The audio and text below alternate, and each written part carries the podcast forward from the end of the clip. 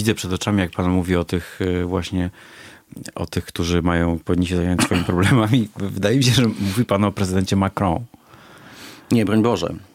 Polska z, z najwyższą czcią odnosi się do, e, do Republiki Francuskiej i systemu politycznego i tego, co Francja dała Unii Europejskiej, integracji europejskiej. E, a mówiąc serio, e, ja bym wolał, żebyśmy żyli w takiej Europie, w której nikt sobie nie udziela dobrych rad, kiedy nie jest pytany. To jest 300 On Air, podcast czystej polityki.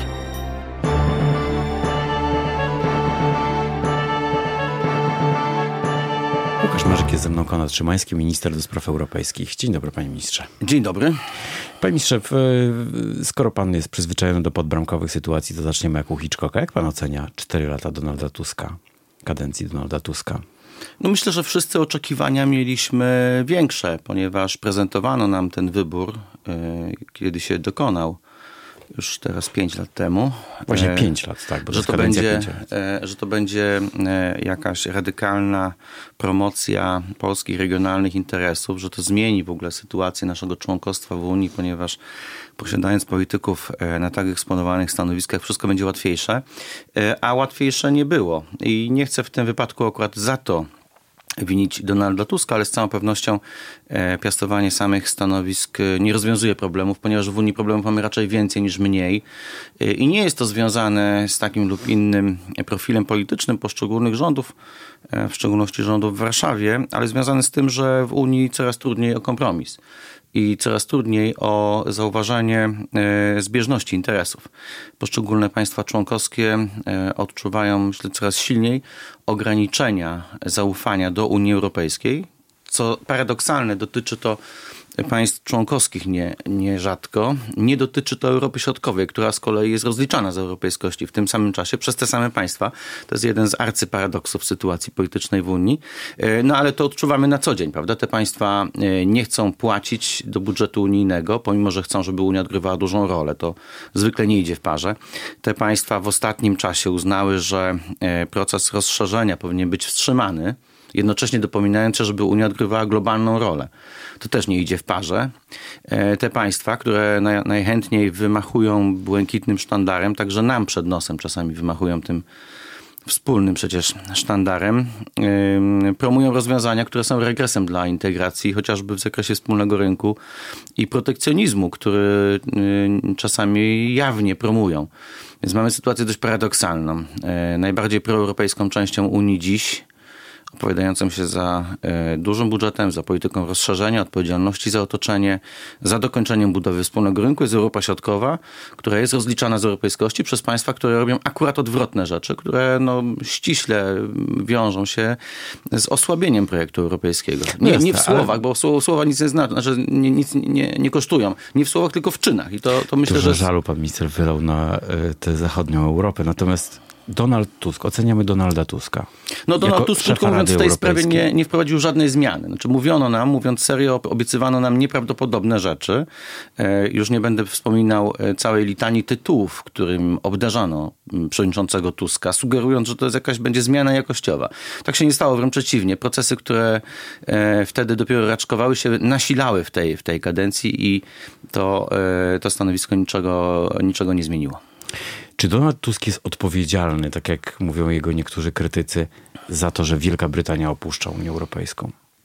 O, Brexit to jest temat e, rzeka. Mamy niestety tylko 30 minut, więc e, nie będziemy w stanie go dotknąć E, we wszystkich jego detalach. Ale mm, w tej opinii pobrzmiewa przekonanie, że oczywiście Brexit bezpośrednio był odpowiedzialnością Brytyjczyków, którzy zdecydowali jak zdecydowali. To jest jakby ich sprawa. Natomiast powody, dla których doprowadzono ich do tego stanu, no przynajmniej część z nich, z całą pewnością spadają nie tylko na Londyn, ale również na Brukselę. E, Bruksela, oczywiście wszyscy jesteśmy, byliśmy w tamtym czasie tym, tym zaskoczeni, że, że ta decyzja mogła pójść tym tropem. Pamiętam atmosferę przed referendum, kiedy wszyscy mądrzy w Brukseli mówili, że to jest irracjonalny wybór, to się nie może zdarzyć po prostu. Po prostu nie może i tyle. Okazuje się, że może się zdarzyć. I, i, I myślę, że w duchu odpowiedzialności za Unię powinniśmy zadać sobie pytanie, co się takiego stało między nami, że tak wielu ludzi, którzy do tej pory byli postrzegani jako naród bardzo chłodny, bardzo obliczony, merkantylny, e, bardzo taki praktyczny, prawda? Ta polityka była przedstawiana często jako modelowa polityka właśnie interesu, prawda? Żadnych, e, żadnych sentymentów tylko interesy. No okazuje się, że, że, że żyjemy w czasach, w których nawet tak chłodne narody są w stanie doprowadzić... Takie było credo Churchilla w ogóle. Tak, tak y, możemy dojść do etapu, w którym te emocje są tak, y, tak intensywne, że potrafią y, zmienić bieg historii. Ja się zgadzam z opinią, że decyzja brexitowa była błędem i jest w jakimś sensie irracjonalna. Natomiast trzeba sobie zadać pytanie, dlaczego doprowadziliśmy miliony ludzi do stanu, w którym uznają, że wszystko tylko nie Unia. Donald Tusk, jeszcze kontynuując, e, jako szef e, Rady Europejskiej, jest dowodem na to, że warto walczyć o takie stanowiska dla Polski, czy to są stanowiska iluzoryczne?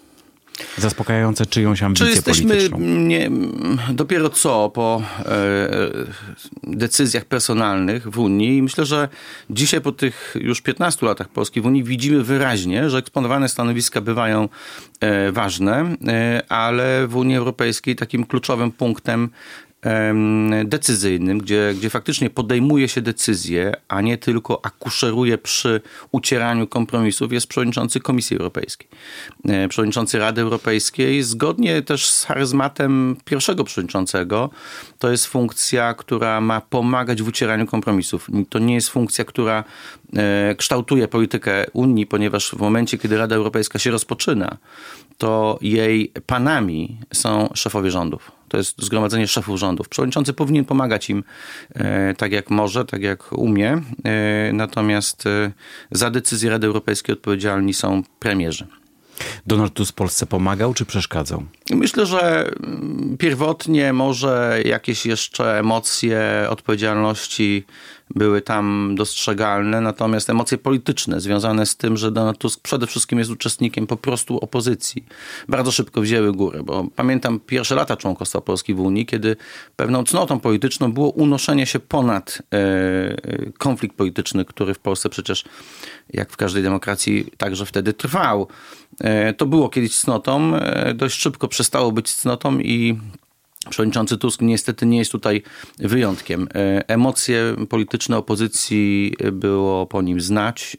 Czasami one się objawiały w sposób publiczny, wszystkim widoczny i myślę, że to nie pomagało pełnieniu tej funkcji w taki sposób, który by faktycznie dawał Polsce jakąś satysfakcję. Na ulicach Katalonii w zasadzie obserwujemy regularną wojnę, można powiedzieć, domową w, w, w takim nowoczesnym kształcie. Przyjeżdża premier, premier Hiszpanii do Barcelony, jest witany bardzo źle. We Francji są niepokoje. Nie chcę zabrzmieć propagandowo, ale jednak na tym tle to, co się mówi o Polsce, jakby kontrastuje z tym, z, z tym gdzie, gdzie tak naprawdę wydaje się, że Unia ma problemy. Na pewno niepokój społeczny w bardzo wielu państwach członkowskich. Wspomniałem o grupie państw założycielskich. Tutaj mamy szerszą grupę państw, gdzie, gdzie niepokój społeczny zaczyna być trwałym elementem gry. Ale taki niepokój, no nie typowy dla demokracji, że po prostu ludzie mają inne pomysły na Hiszpanię, czy, czy Francję, czy Holandię, ale niepokój, który uderza w podstawy systemu politycznego, on zaczyna być e, w Europie normą. E, I, te, I z tego powodu nie ma powodu mieć jakichkolwiek satysfakcji, ponieważ to są rzeczy groźne dla Europy, także dla projektu integracji europejskiej. To są rzeczy, które powodują, że tak trudno nam się porozumieć wewnątrz Unii, ponieważ te rządy mają na plecach oddech tych niepokojów. One są często dość nieokreślone, często są wyrazem po prostu braku zaufania, generalnego braku zaufania, e, no ale to tym gorzej. E, w tym sensie Europa Środkowa a także Polska, są dla Unii Europejskiej wektorem stabilizacji politycznej. I nie tylko stabilizacji dla samej stabilizacji, ale również stabilizacji wokół poparcia dla procesu integracji. W Polsce, w Czechach, na Węgrzech, na, na Litwie, w Estonii, Chorwacji nikt na serio nie podważa sensu integracji. I nie dlatego, że widzimy w tym źródło bezpośrednich transferów, ponieważ one odgrywają we wszystkich naszych krajach coraz mniejszą rolę, ale dlatego, że uważam, że to jest właściwy model współpracy europejskiej, pomimo, że mamy swoje wątpliwości, czy też zastrzeżenia do metody tej współpracy. Od czasu do czasu są, prawda, między nami napięcia, powiedzmy momenty gorzkie, ale generalnie widzimy i politycznie, i społecznie, co najważniejsze, że model integracji jest właściwym sposobem załatwiania problemów w Unii. Zarządzania zmianą, zarządzania różnicą. Od tego jest polityka i ten gmach integracji yy, powinien trwać właśnie dlatego, żeby rozsądnie rozwiązywać problemy. Rozsądnie, czyli tak, żeby wszyscy byli zadowoleni, żeby czuli się komfortowo w tej organizacji. I widzimy wyraźnie, że, że paradoksalnie te kraje, które nas rozliczają z europejskości nierzadko, E, to są kraje, gdzie ludzie się czują coraz bardziej niekomfortowo w status quo. Bo nie dotyczy tylko Unii, ale dotyczy też systemu politycznego ich własnego, krajowego. Prawda? Zmiatane są partie tradycyjne. To, to jest bardzo istotny punkt. Myślę, że tam następuje też w części klasy politycznej taki, taki mechanizm wyparcia, że im więcej problemów my mamy, tym chętniej rozmawiamy o problemach innych, prawdziwych bądź zmyślonych. Psychologicznie myślę, że to jest zrozumiałe, aczkolwiek politycznie to nie wróży niczego dobrego, ponieważ my nie chcemy, żeby ktoś za nas rozwiązywał nasze zmyślone problemy. Mamy wystarczająco dużo duże poczucie pewności siebie co do tego, że umiemy sami rozwiązywać swoje problemy, e, te, które mamy. A tymi, które są zmyślone, nie chcemy, by się zajmowali inni, którzy powinni się chyba zająć swoimi problemami. Każdy, e, każdy swoimi. Tak e, widzę przed oczami, jak pan mówi o tych właśnie o tych, którzy mają, powinni się zająć swoimi problemami. Wydaje mi się, że mówi pan o prezydencie Macron. Nie, broń Boże. Polska z, najwyższą czcią odnosi się do, e, do Republiki Francuskiej i systemu politycznego i tego, co Francja dała Unii Europejskiej, integracji europejskiej. E, a mówiąc serio, e, ja bym wolał, żebyśmy żyli w takiej Europie, w której nikt sobie nie udziela dobrych rad, kiedy nie jest pytany. Tak byłoby zdrowie dla wszystkich. Ja też nie chcę udzielać dobrych rad nikomu. E, mogę się podzielić obserwacjami i na przykład troską o to, że stabilizacja systemu politycznego w jednym, drugim państwie, czy destabilizacja tego systemu to jest problem dla nas wszystkich. Ponieważ no, nieprzypadkowo jest tak, że, że kiedy wybory odbywają się w Holandii albo we Francji, to Europa wstrzymuje oddech. I słusznie, ponieważ jest o krok od tego, by władze przejęły siły, e, które są, nie ukrywają swojego antyeuropeizmu. No, Kiedy wybory są w Polsce. Nie o krok, nie o krok. Może takie są emocje, ale jednak te wyniki są wyraźnie po stronie tej, tej, tej, tej starej polityki, można powiedzieć, i w Holandii, i w. No, w obu wypadkach mamy do czynienia, e, z, w jednym wypadku mamy do czynienia z wygraną chyba o 6%, a w drugim wypadku mamy rząd mniejszościowy, który w Wyższej Izbie chyba już nie ma większości, więc to nie są takie rzeczy, które powiedzmy w latach 90. można było, myślę, tak sądzić, prawda, że są partie protestu, oporu, tak, tak, tak. partie skrajne, prawda, no ale one nie, nie wyskakują powyżej 7%, więc można czasami tam poutyskiwać nad jakimiś e, pozostałościami e, wojennej polityki, wojennej kultury politycznej, ale to w gruncie rzeczy detal, prawda? Tylko jakaś ciekawostka społeczna, prawda? Natomiast dzisiaj partie protestu, oporu, czasami o, o, otwartej opozycji wobec Unii sięgają 30-40%. To już nie jest takie zupełnie śmieszne i dlatego, dlatego wszyscy wstrzymujemy oddech, kiedy tam są wybory. Kiedy wybory są w Polsce, nikt o projekt europejski się nie musi martwić martwić. E, I tego bardzo wielu komentatorów nie chce widzieć, także polityków nie chce widzieć. E, na zasadzie wyparcia, o którym mówiłem wcześniej. Czy da się być po wyjściu Wielkiej Brytanii z Unii Europejskiej piątą demokracją w Unii i mieć tak naprawdę zimną wojnę z Francją? nie mieć... Nie, nie, mieć... nie nazywałbym e, żadnych relacji Polski z jakimkolwiek państwem unijnym e, zimną wojną. W żadnym wypadku. Myślę, że my reagujemy w sposób bardzo spokojny na, na różne komentarze, które się trafiają we francuskiej e, polityce, które mogłyby prowokować do bardziej, bardziej konfrontacyjnych postaw, ale nie prowokują, bo rozumiemy kontekst, w którym one się dzieją. Zwracamy uwagę, że byłoby lepiej unikać rzeczywiście takich sytuacji, ponieważ gdybyśmy odwrócili tę sytuację, moglibyśmy dzień i noc e, przedstawiać dobre rady, jak rozwiązać różnego typu problemy społeczne we Francji. Mm, rolników nie, niezadowolonych, żółtych kamizelek niezadowolonych, ale, ale nie chcemy tego robić, bo to do niczego nie prowadzi. E, jedyną osobą, jedynymi ludźmi, którzy takie problemy mogą rozwiązać, to są Francuzi. E, poniekąd o tym też był Brexit, że narastało przekona przekonanie w brytyjskim społeczeństwie, że różni ludzie chcą im robić dobre rady, prawda? rozwiązywać ich problemy, a oni chcą sami. Chcą, chcą wziąć kontrolę take back control. To był jeden, przypuszczalnie, z bardziej emocjonalnych przekazów kampanii y, wyjścia Wielkiej Brytanii z Unii, który trafiał do ucha, prawda? On, tak. on coś mówił. To jest dość nieokreślone, tak. ale, ale to było coś, co się dobrze słuchało, że faktycznie byłoby dobrze wziąć kontrolę nad swoimi y, sprawami. Więc nie, nie nazwałbym tego w żadnym wypadku zimną wojną. Na pewno jest tak, że Francja i Warszawa stoją na zupełnie innych stanowiskach politycznych. E, I to jest z trudem przejmowane, ponieważ prezydent Macron chciałby być e, liderem e, liberalnej Europy, a my jesteśmy bardzo dużym krajem, który wybiera inaczej. W naszym wypadku to się nie tłumaczy, nie, nie, nie przenosi się na jakikolwiek dystans wobec projektu europejskiego, więc bym wolał, żeby prezydent Francji dostrzegł to, że ta szklanka jest do połowy pełna, i faktycznie uznał, że Unia jest od tego, żeby takie kraje jak Polska i E, Francja, tacy liderzy jak premier Morawiecki i prezydent Macron mogli spokojnie ze sobą współpracować. Bo na tym polega uroda e, integracji europejskiej, że ludzie o różnych politycznych e, intencjach, barwach, przekonaniach mogą ze sobą współpracować. Jak będziemy sobie wzajemnie recenzowali, co sądzimy o różnych krajowych rozwiązaniach w jednej, drugiej dziedzinie, to do niczego dobrego nie dojdziemy. No tak, tylko on mówi, że to nie są krajowe rozwiązania, tylko chodzi o wartości europejskie. W sprawie wartości w Unii Europejskiej nie ma żadnego sporu. Ja nie słyszałem, żeby w Polsce ktokolwiek podważał którąkolwiek z wartości, e, która na przykład jest wskazana w artykule drugim Traktatu o Unii. Nikt w Polsce na przykład nie podważa zasady czy wartości praworządności. Natomiast faktycznie są kontrowersje co do tego, jak ją należy implementować w konkretnych rozwiązaniach. I to są kontrowersje, które są stare jak świat. Od tego są trybunały międzynarodowe, czy też trybunały konstytucyjne najczęściej, żeby rozwiązywać takie problemy, prawda? Jak w konkretnym wypadku korelacja między wolnością jednostki a bezpieczeństwem, czy też między między, czy też równowaga między władzami poszczególnymi powinna wyglądać. Te rozwiązania nie są jednolite, to nie jest jedna sztanca. W różnych państwach mamy różne rozwiązania.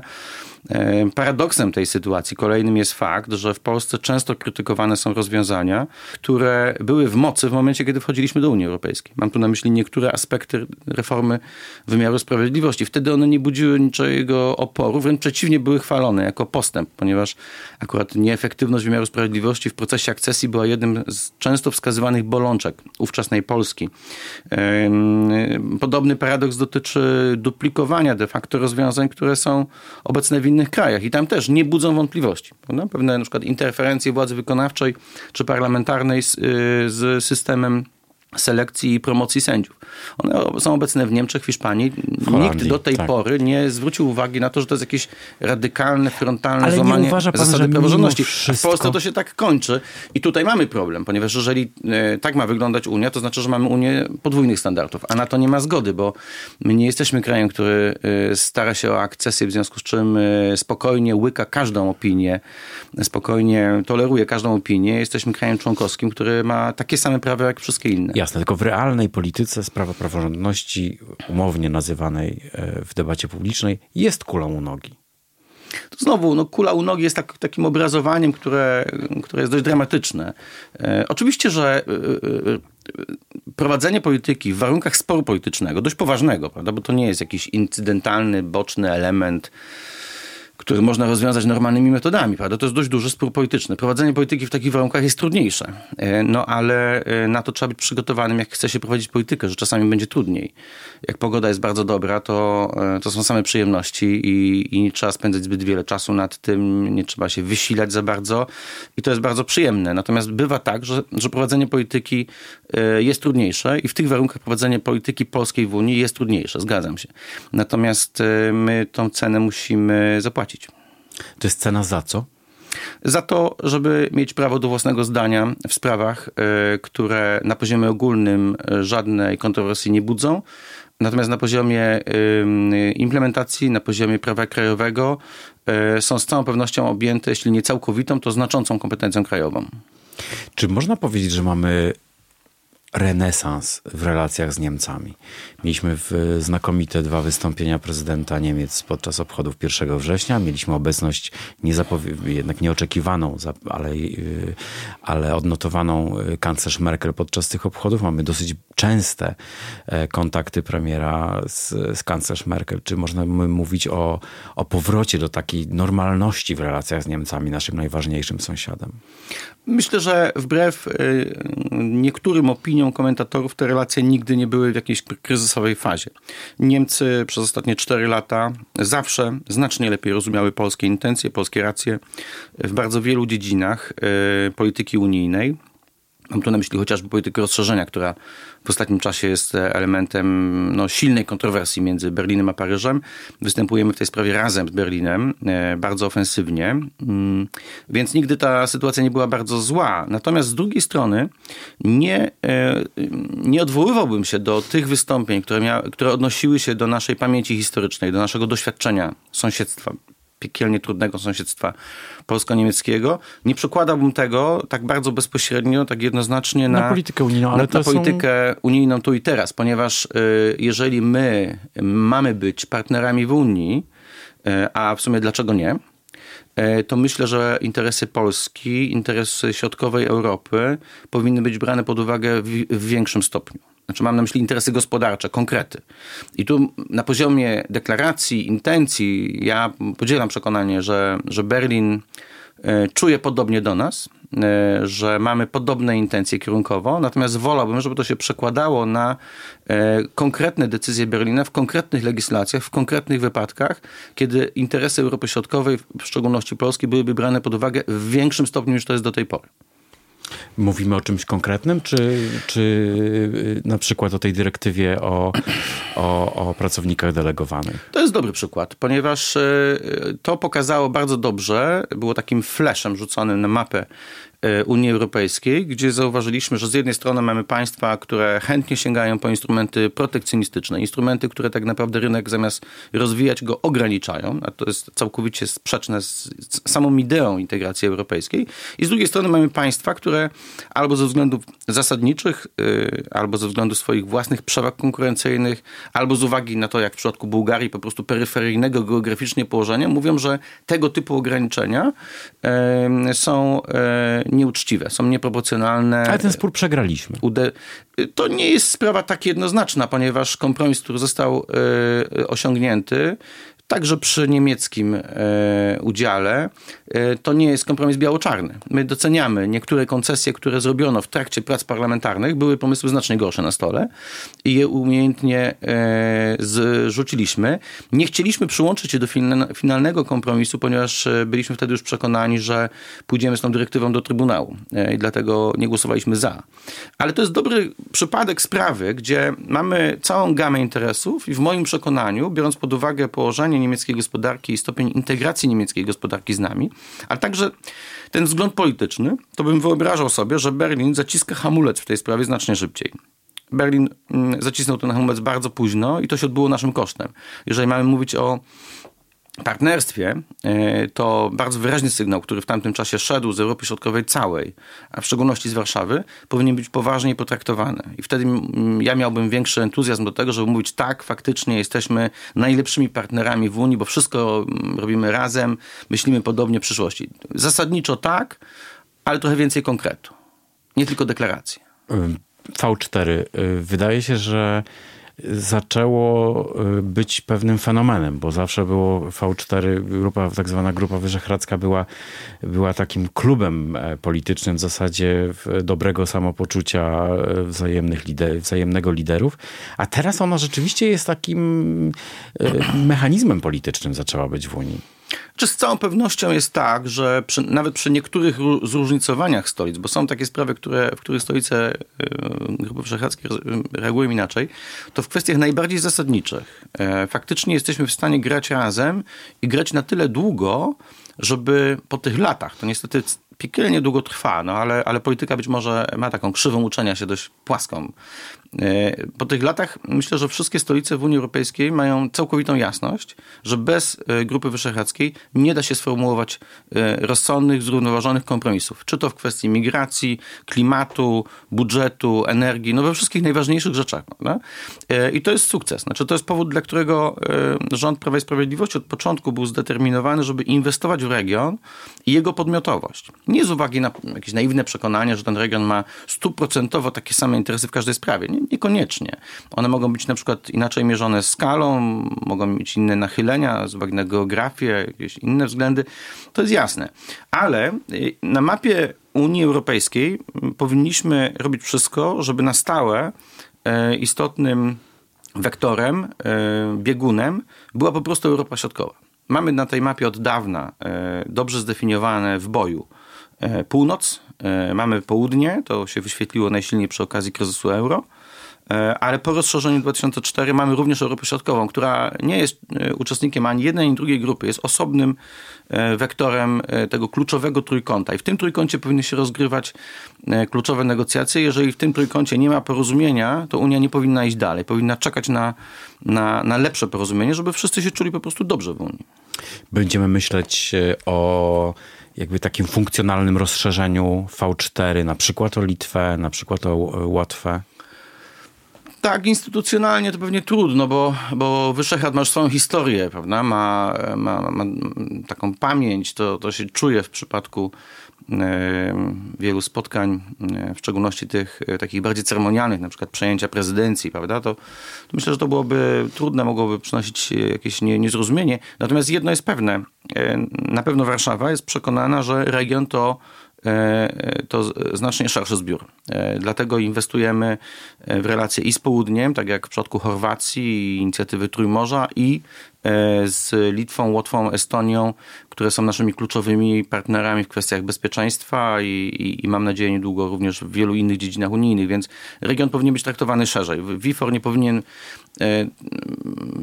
nikomu sugerować, że, że jest jedynym E, przedstawicielem regionu. Jest kluczowym przedstawicielem regionu, to na pewno, e, ale region jest znacznie szerszy, w szczególności po tych kolejnych rozszerzeniach i tak powinien być postrzegany. To także Rumunia, Bułgaria, bardzo ważne kraje z punktu widzenia interesu regionu. Klub Przyjaciół Spójności, w którym Polska odgrywa ważną rolę, czy nawet kluczową rolę, jako największy beneficjent chyba e, funduszy unijnych, czyli ten klub e, takiego e, większego wydawania pieniędzy unijnych, takiego dużego budżetu, ma szansę na powodzenie w rozmowach o przyszłej dyrektywie finansowej, o przyszłej perspektywie finansowej? Znaczy bez tej grupy państw nie będzie porozumienia w sprawie budżetu. To jest pewne. Dzisiaj mamy już 18 miesięcy od czasu, kiedy Komisja Europejska przedstawiła swój wysoce niedoskonały projekt. I myślę, że dla każdego jest jasne. Tak długo, jak nie będzie lepszych propozycji na stole, tak długo porozumienia w sprawie budżetu po prostu nie będzie. I to jest można powiedzieć zawsze, prawda? W przypadku negocjacji budżetowych e, zawsze czas odgrywa istotną rolę, czy presja czasu odgrywa istotną rolę. Ale myślę, że te negocjacje są historycznie najtrudniejsze, ponieważ być może nawet mapa interesów jest bardzo podobna, właśnie między tym północą, południem, e, e, krajami e, nowych akcesji, ale polityczna determinacja stolic jest większa niż była. Także ograniczenia polityczne większa niż była. W związku z czym dla Warszawy to też jest wyzwanie, ponieważ my również musimy wykazać się determinacją większą niż do tej pory. Mówię, historycznie myślę, że to są negocjacje najtrudniejsze. A czy nie jednak nie są trudniejsze negocjacje klimatyczne o to, bo y, dla nas politycznie, gospodarczo ważny jest węgiel? Ja mówiłem, e, że to są historycznie najtrudniejsze negocjacje e, wśród innych, tak, budżetowych, tak, wśród tak, innych budżetowych. No, obserwowałem z innych punktów widzenia, z perspektywy głównie Parlamentu Europejskiego, dwie, i, dwie in, dwa inne cykle tych, tych negocjacji. Teraz oglądam to z perspektywy polskiego rządu i mam wrażenie, że one są po prostu historycznie najtrudniejsze wśród tych. Natomiast klimat jest o tyle e, trudny, być może nawet trudniejszy, e, ponieważ jest dużo bardziej e, nieprzewidywalny. W budżecie wiemy, co mamy ustalić. To jest zamknięty, w zasadzie zamknięty zakres zmiennych. E, one są, e, za chwilę będą jeszcze bardziej, jeszcze lepiej ustrukturyzowane, one są przejrzyste, transparentne. W przypadku klimatu, w szczególności tak rozumianego, jak teraz się rozumie, czyli neutralności klimatycznej, dotykamy nie tylko po prostu produkcji energii, ale dotykamy wszystkich gałęzi przemysłu energochłonnego, transportu, mieszkalnictwa, rolnictwa, no w zasadzie całego, całej gospodarki, ale także sposobu, w jaki żyjemy. Bo klimat przynosi już dzisiaj, znaczy gołym okiem to widać także w Warszawie, przynosi już dzisiaj konsekwencje dla naszego codziennego życia. To już nie są problemy oddalone gdzieś tam na najwyższych piętrach gospodarki i polityki. To są problemy które dotykają każdego e, obywatela, bo mogą przekładać się na e, polityki, które będą wpływały na zachowania konsumenckie, na e, politykę podatkową, regulacyjną w, w sprawach całkowicie codziennych. On, ta, ta, polityka będzie widoczna wszędzie po prostu.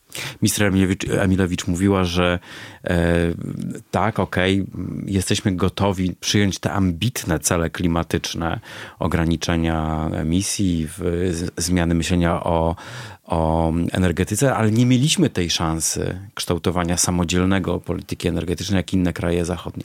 Czy w związku z tym e, możemy liczyć na to, o czym minister Emilewicz mówiła, na ten fundusz? E, który pomoże restrukturyzować naszą elektroenergetykę. Myślę, że premier Morawiecki w czerwcu, sprzeciwiając się podjęciu decyzji o neutralności klimatycznej do roku 2050, nie tylko się sprzeciwił, ale także powiedział, e, jaka jest droga dojścia do, do tego celu, do kompromisu w tej sprawie. I to jest widoczne również w konkluzjach, więc każdy, kto, chciałby to sprawdzić, to, to może łatwo tam znaleźć ślady tego, e, tego stanowiska polskiego. My zwracaliśmy tam uwagę po pierwsze na sprawiedliwy charakter tej transformacji w stosunku do grup społecznych najbardziej narażonych, a wiemy, że są takie, które są bardziej narażone niż inne, e, do branż gospodarki, do regionów i państw, które, które odczują ten koszt transformacji w kierunku neutralności klimatycznej silniej niż inne. Chociażby państwa czy regiony, które są biedniejsze albo w większym stopniu zależne od przemysłu energochłonnego, czy też od e, energii mm, produkowanej w taki lub inny sposób. Polska jest w tej unikalnej sytuacji, że my nie tylko na tle Zachodu e, nie mogliśmy z uwagi na 50 lat komunizmu dokonywać mm, racjonalnych decyzji, jeśli chodzi o kształt swojej, swojego przemysłu i sektora energetycznego, ale nawet na tle państw regionu e, mieliśmy e, utrudnione warunki, ponieważ jesteśmy jednym z bardzo niewielu krajów, a w naszym najbliższym otoczeniu jedynym, któremu nigdy nie pozwolono na wybudowanie sektora jądrowego. Wszystkie państwa wokół nas mają ten sektor jądrowy, taki lub inny. Niektóre, jak na przykład Węgry, budują na tym swoją przyszłość, prawda? wyraźnie go rozwijając. Inne państwa również w tych warunkach liczą na to, że będzie to jedyna, jedyny mechanizm ucieczki spod y, presji wysokich cen energii. Polska tej szansy nie miała, z uwagi na decyzje polityczne podejmowane poza Polską. Więc y, Polska nie tylko z uwagi na skalę, ale i także warunki historyczne ma powody, by, by oczekiwać y, innego traktowania, tak pod względem mm, stopnia tych obciążeń, jak i pod względem mechanizmów kompensacyjnych. I tutaj ten fundusz sprawiedliwej transformacji, na razie bardzo ogólnie zarysowany, to jest jakaś koncepcja. My, to, my tego nie odrzucamy. Uważamy, że być może na tym można zbudować coś. Ale to się nie może ograniczyć tylko i wyłącznie do, do tego, bo neutralność oznacza również zmiany w zakresie y, rolnictwa, mieszkalnictwa, transportu. I tutaj również to, co mamy w, w ramach dziedzictwa komunizmu, prawda? czyli po prostu totalny niedorozwój konsumpcyjny całych pokoleń Polaków, ściśle powiem, znaczy my sobie z nimi radzimy, prawda? Przez ostatnie 30 lat Polacy nadrabiają, prawda? Mieszkają w trochę lepszych mieszkaniach, coraz większych, jeżdżą trochę lepszymi samochodami. Ale tak jak w Holandii dziś można powiedzieć, że musimy zmieniać sektor transportu tak szybko jak to możliwe, Mm, tak w Polsce jest to bardzo trudne, ponieważ Holandia jest pod tym względem już zaspokojona, prawda? Może nawet ma poczucie przesytu. Mówię tylko o przykładzie, to, to dotyczy w zasadzie całego Zachodu. Ten przesyt może, może budować społeczne podstawy pod y, bardziej radykalne y, mechanizmy zmiany, także zmiany takiej społecznej, behawioralnej, prawda? innego sposobu funkcjonowania na przykład w mieście. W Polsce przyjęcie takich samych polityk byłoby bardzo trudne, by tak naprawdę prowadziło do buntu społecznego, a tego nie chcemy. Znaczy my nie chcemy wejść na ścieżkę żółtych kamizelek, w którym mała w sumie, no, szczerze mówiąc bardzo drobna zmiana w opodatkowaniu benzyny i diesla powoduje y, duże, duże poruszenie społeczne. W Polsce chcemy zbudować scenariusz neutralności klimatycznej w taki sposób, żeby ludzie mieli poczucie, że to ma sens, że to jest sprawiedliwe, że to jest proporcjonalne, że to jest właściwe. I pod tym względem myślę, że Polacy, opinia publiczna ma świadomość tego, że to nie jest temat abstrakcyjny, że to nie jest temat z sufitu, że to nie jest widzimy się Zachodu. My nie, nie, nie podważamy sensu działań prośrodowiskowych czy, czy proklimatycznych, tylko one muszą być tak u, ukształtowane, aby nie przynosiły większych kosztów w Warszawie niż w Hadze. Panie ministrze, jako znany anglofil na koniec, jak pan obserwuje yy, to, co się dzieje z najstarszą demokracją w Europie, nie ma pan wrażenia, że jednak Wielka Brytania w jakimś sensie przeżywa moment zwrotny? Nie jestem pewien co do stopnia swojego, a, swojej anglofilii, ale skoro pan tak mówi, to przemyślę to później po programie. E, natomiast e, ja nie, też nie jestem pewien, jak będziemy na to wszystko, co teraz widzimy, jak będziemy patrzyli z perspektywy parla, e, paru lat, może nawet większej perspektywy historycznej. Ponieważ dzisiaj ludzie są poruszeni, prawda, że jeden premier przynosił z trudem wynegocjowaną umowę do parlamentu i jej własna większość ją odrzuca, prawda, nie przebierając w słowach. Dzieje się tak drugi raz, trzeci raz, prawda? Mamy, mamy cały czas negatywną decyzję, prawda? Drugi premier przynosi znowu e, wyraźnie skorygowaną e, umowę i, i, też nie wygląda to na bardzo łatwy proces. E, no i Europa, myślę, że w Polsce to, to, to mniej się czuje, ale w, w, Europie Zachodniej czuje się takie, taką niezdrową satysfakcję, prawda, że haha, prawda, tam nic nie idzie, prawda, wszystko jest śmieszne i nie, niepoważne. Z perspektywy historycznej być może będziemy widzieli w tym siłę brytyjskiego parlamentu, brytyjskiego parlamentaryzmu, który po prostu broni swojej pozycji względem rządu, który faktycznie negocjuje trudną umowę na poziomie międzynarodowym i parlament y, robi wszystko, czasami mądrze, czasami mniej mądrze. To jest inna sprawa. No, to jest cała złożoność każdego parlamentu, ale robi wszystko, żeby bronić swojej pozycji w tym, w tym procesie. I myślę, że z perspektywy czasu będziemy to widzieli lepiej. Ale to jest uwaga taka, powiedzmy, mm, trochę abstrakcyjna. Politycznie rzecz biorąc, my bardzo byśmy chcieli, żeby tym razem brytyjskiemu e, premierowi się udało. Robiliśmy wszystko, żeby Unia wróciła do stołu negocjacyjnego. E, aby rozsądnie, oczywiście nie za wszelką cenę, ale rozsądnie wysłuchała brytyjskich propozycji. Tak się stało. Ta umowa jest skorygowana, tak jak premier Johnson chciał i mam nadzieję, że tym razem w brytyjskim parlamencie nie usłyszy niczego e, niewłaściwego na ten temat, ponieważ zgodnie z wolą także w parlamencie wyrażoną Irlandia Północna pozostanie elementem Unii Celnej Brytyjskiej, co z oczywistych historycznych powodów było niezwykle trudnym tematem dla dla brytyjskiej opinii, a w szczególności dla brytyjskiej partii konserwatywnej, która zapłaciła i finansowo, i wojskowo, i moralnie za, za obronę tego kawałka ziemi w ramach e, Zjednoczonego e, Królestwa, więc e, rozumiem te emocje. Natomiast my zrobiliśmy wszystko, żeby ta umowa jednak była przyjęta i, i mam nadzieję, że tym razem jesteśmy blisko lądowania. Bardzo dziękuję. Był ze mną minister spraw europejskich Konrad Szymański. Bardzo dziękuję, dziękuję bardzo. Do widzenia.